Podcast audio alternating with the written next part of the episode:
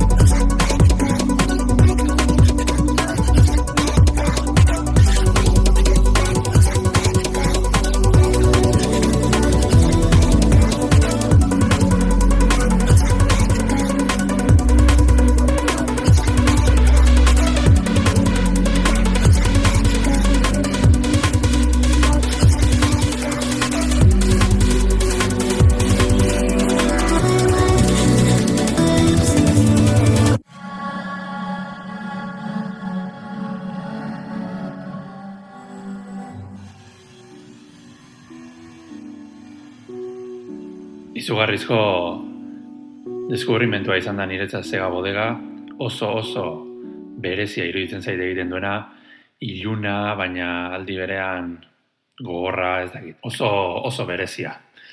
Eta jarrai dezagun ritmo dantzagarriekin, artista hau, artista hauek, hobeto esan da, ze bi nahi dira, Overmono izenean egiten dute musika eta egia esan nire influentziarik potenteena bihurtu dira azken azken hilabete hauetan.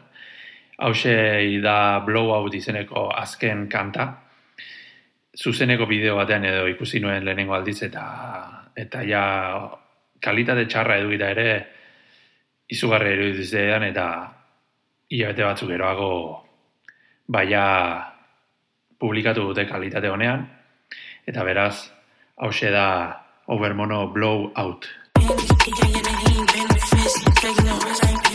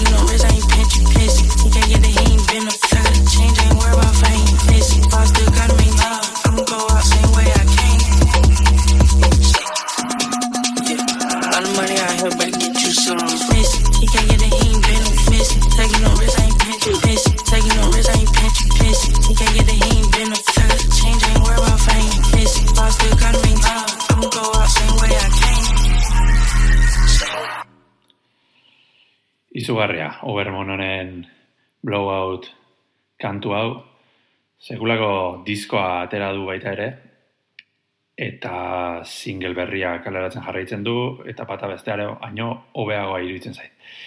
Eta orain pixka bat eh, e, ritmoa lasaituko dugu agian, e, George Fitzgeralden benera kantuarekin,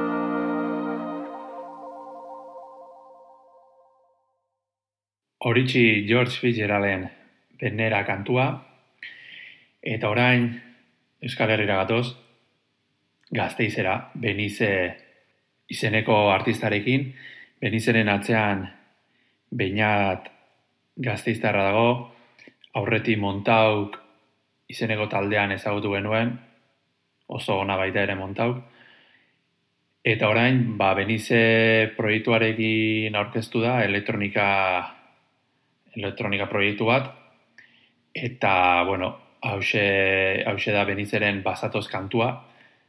The Blaze bezalako taldea gustoko baldin badituzu adi honekin.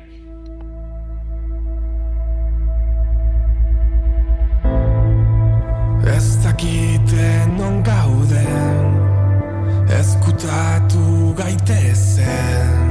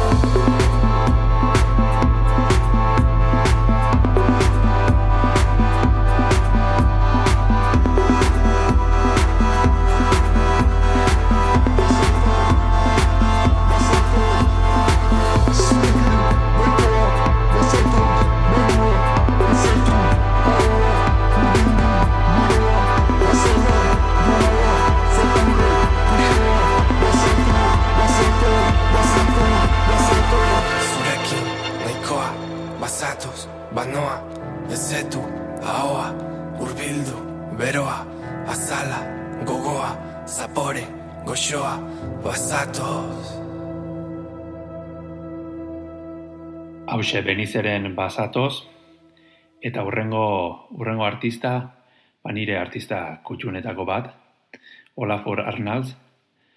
Olafur Arnaldsek normalean bere bakarkako lanetan ba, piano eta biolin eta horrelakoak egiten ditu, baina e, garai bat eduki zuen elektronika talde bat egin zuela bere beste lagun batekin, kiasmos izenekoa, eta, bueno, ba, Olafurren esentzia mantentzen du, baina ritmo dantzagarriagoa ditu, eta, bueno, ba, niri asko asko influenziatu dit. Eta hau da Kiasmosen Gaunt.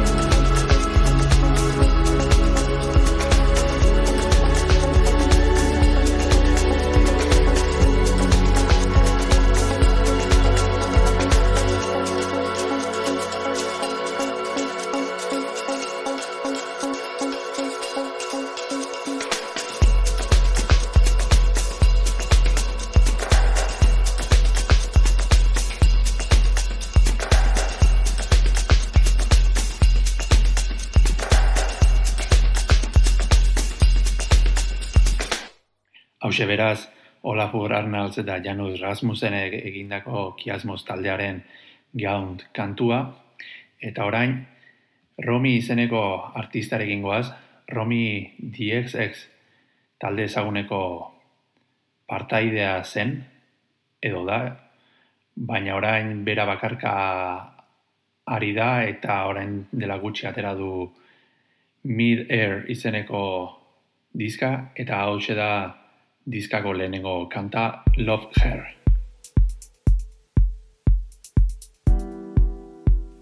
Can you turn up a bit more? Thank you.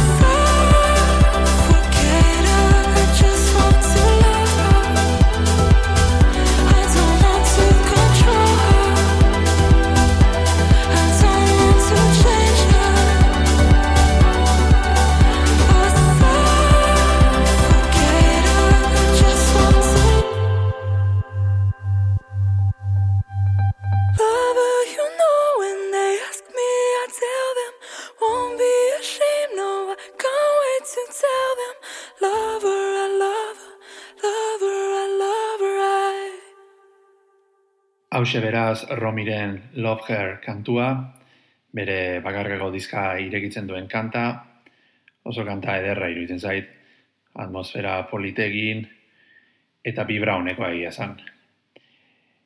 Orain, bagoaz pixka bat atmosfera hau iuntzera edo, Oflin izeneko artista batekin. Bonoboren azken diskan kolaboratzen du bere abesti batean eta hortik ezagutu nuen eta egia esan sekulako produkzioa egiten ditu.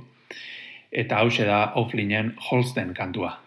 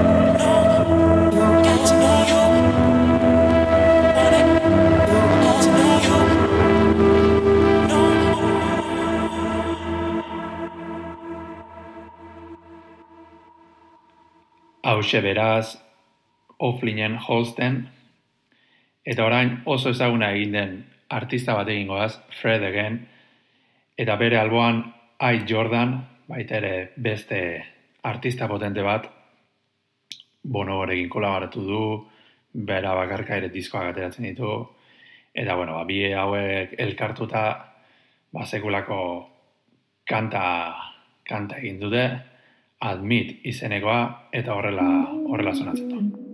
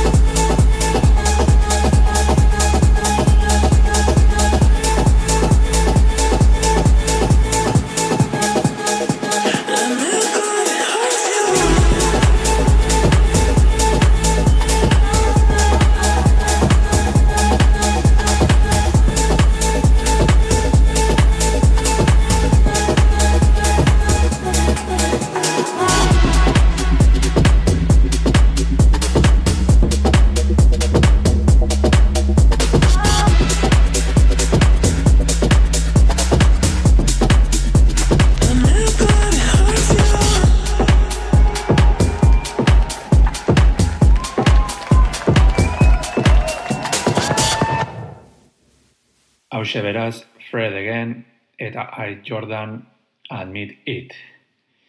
Eta horrengo artista DJ Sheinfeld, She Loves Me.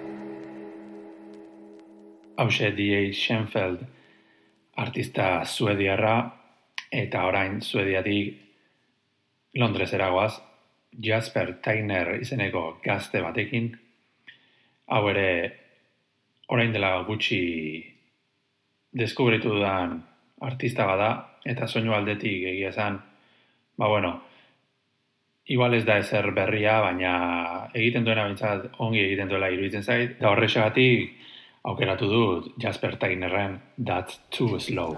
The wickedest time ever.